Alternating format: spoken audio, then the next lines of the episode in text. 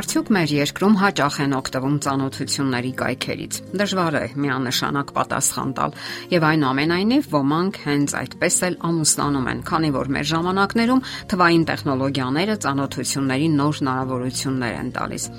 Իսկ որքանով է այն արդարացված անհատական մտածման հարց է։ Ոմանց համար դժվար է իրական կյանքում ծանոթություն ստեղծելը, սակայն նրանք ավելի թեթև ու անկաշկանդ շփվում են արցանց մինչև իրական հանդիպումը։ Իսկ ոմանք էլ գերադասում են կենթանի փոխհարաբերությունները։ Բոլոր դեպքերում թե կենթանի շփումների եւ թե արցանց շփումների ժամանակ կան կասկածներ, հիասթափություններ եւ նույնիսկ հուսահատություն։ Հարցն այն է, որ մենք բոլորս իրական անznավորություններ ենք մեր մարդկային անկատարություններով ու վրիպումներով, եւ սա հարկավոր է հաշվի առնել բոլոր տեսակի հարաբերություններում։ Իսկ ինչ է հարկավոր իմանալ համապատասխան ընկեր գտնելու համար։ Ընտանեկան հոգեբան Սթեյսի Հաբբարդը Գոթմանի ինստիտուտի հետ համատեղ մշակել է ծրագիր, որը կոչվում է Սկզբունքներ միայնակների համար։ Այդ ծրագրի նպատակն է օգնել միայնակ մարդկանց, որ նրանք ձեռք բերեն այնպիսի գիտելիքներ ու հմտություններ, որոնք կօգնեն ստեղծելու առողջ հարաբերություններ։ Դասընթացների հիմքում Ջոն Գոթմանի հաջող ամուսնության 7 կանոններ գիրքն է։ Հոկեբանն այդ կանոնները տեղափոխել է կյանքի ընկերոջ որոնումների եւ հարաբերություններ կառուցելու ոլորտ հիմնվելով փոխադարձ վստահության, ըմբռնողության եւ սատարման վրա։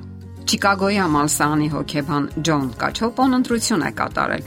ուսումնասիրելով ավելի քան 19000 մարդու, ովքեր ամուսնացել են 2005-ից 2012 թվականների միջակայքում։ Ուսումնասիրությանը մասնակցողների 35%-ը ծանոթացել է սոցիալական ցանցում։ 14%-ը հանդիպել է աշխատավայրում, իսկ 12%-ը միմյանց գտել են ընդհանուր ընկերների կամ ծանոթների միջոցով։ Այսօր մարդկանց զբաղվածությունը ավելի շատ է, քան նախկինում, եւ մարդիկ ժամանակի սղություն ունեն, ինչի հետևանքով կամ արդյունքում ծանոթությունների կայքերն ու հավելվածները դառնում են զուգընկերոջ որոնումների հիմնական աղբյուր։ Սակայն միաժամանակ հարկավոր է հիշել նաև որոշակի սահմանափակումների մասին։ Կոլումբիայի համալսարանի բիզնես դպրոցի սոցիալական հոգեբան Շինա Այենգարը հետաքրքիր փորձ է կատարել։ Փորձի մասնակիցներին առաջարկել են մթերքների խանութում ջեմ ընտրել։ Երբ մարդկանց առաջարկել են ջեմի 6 տեսակ, նրանք 10 անգամ ավելի շատ գնումներ են կատարել,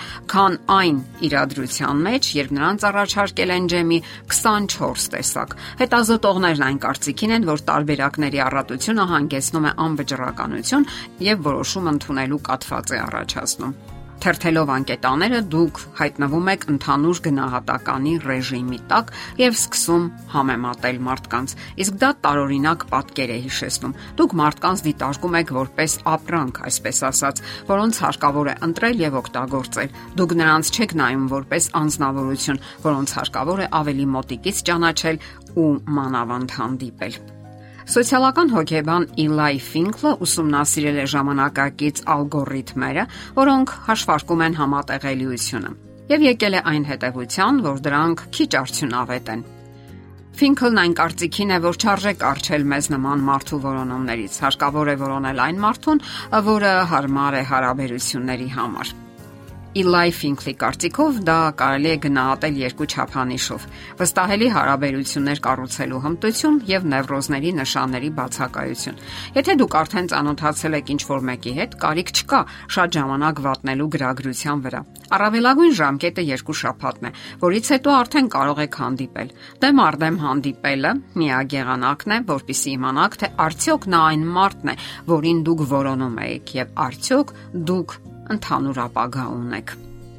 Ինչու շփվել։ Շփման միջոցով դուք ճանաչում եք մարդուն։ Հերախոսային գրագրությունը կամ անգամ հերախոսով զրույցները որոշակի առումով ձևական են եւ ցույց չեն տալիս դիմացինի բնավորության առանձնահատկություններն ու նրբերանգները։ Իսկ ընդհանուր առմամբ երիտասարդները սիրում են շփվել եւ հարաբերություններ կառուցել, ապա ամուսնական ծրագրեր են կազմում։ Նրանք ունեն երազանքներ։ Ցավոք այդ երազանքները հաճախ իրականություն չեն դառնում։ Երբեմն իհարկե հանդիպումներից հետո նրանք ամուսնանում են, սակայն դա երջանիկ ամուսնություն օգնություն չի կարելի համարել։ Պատճառը շփման պակասն է, արդյունավետ շփման։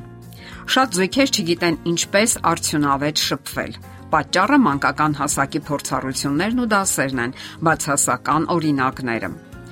Իսկ հիմա արդեն նրանք չեն ցանկանում սովորել։ Այս կարևոր պահը անհրաժեշտ է իմանալ, որովհետև շատ զույգեր այդպես էլ չեն հասկանում, թե ինչ է տեղի ունենում իրենց հարաբերությունների հետ, ինչպես նաև ինչու է տեղի ունենում։ Հոգեբանական մեխանիզմների իմացությունը հաճախ օգնում է երիտասարդներին, որ հասկանան, թե ինչպես կառուցել հարաբերությունները եւ ընթառաջ գնան միմյանց։ Դե ինչ, ծանոթացեք ճիշտ ձևով, ճիշտ ձևով հանդիպեք եւ հարաբերվեք ճիշտ այն կօգնի ձեր միաբանությանը եւ կնպաստի հետագա հարաբերություններից ծնված երջանիկ ամուսնական միությանը։ Եթերում է ճանապարհ երկուսով հաղորդաշարը։ Հարցերի եւ առաջարկությունների համար զանգահարել 033 87 87 87 հեռախոսահամարով։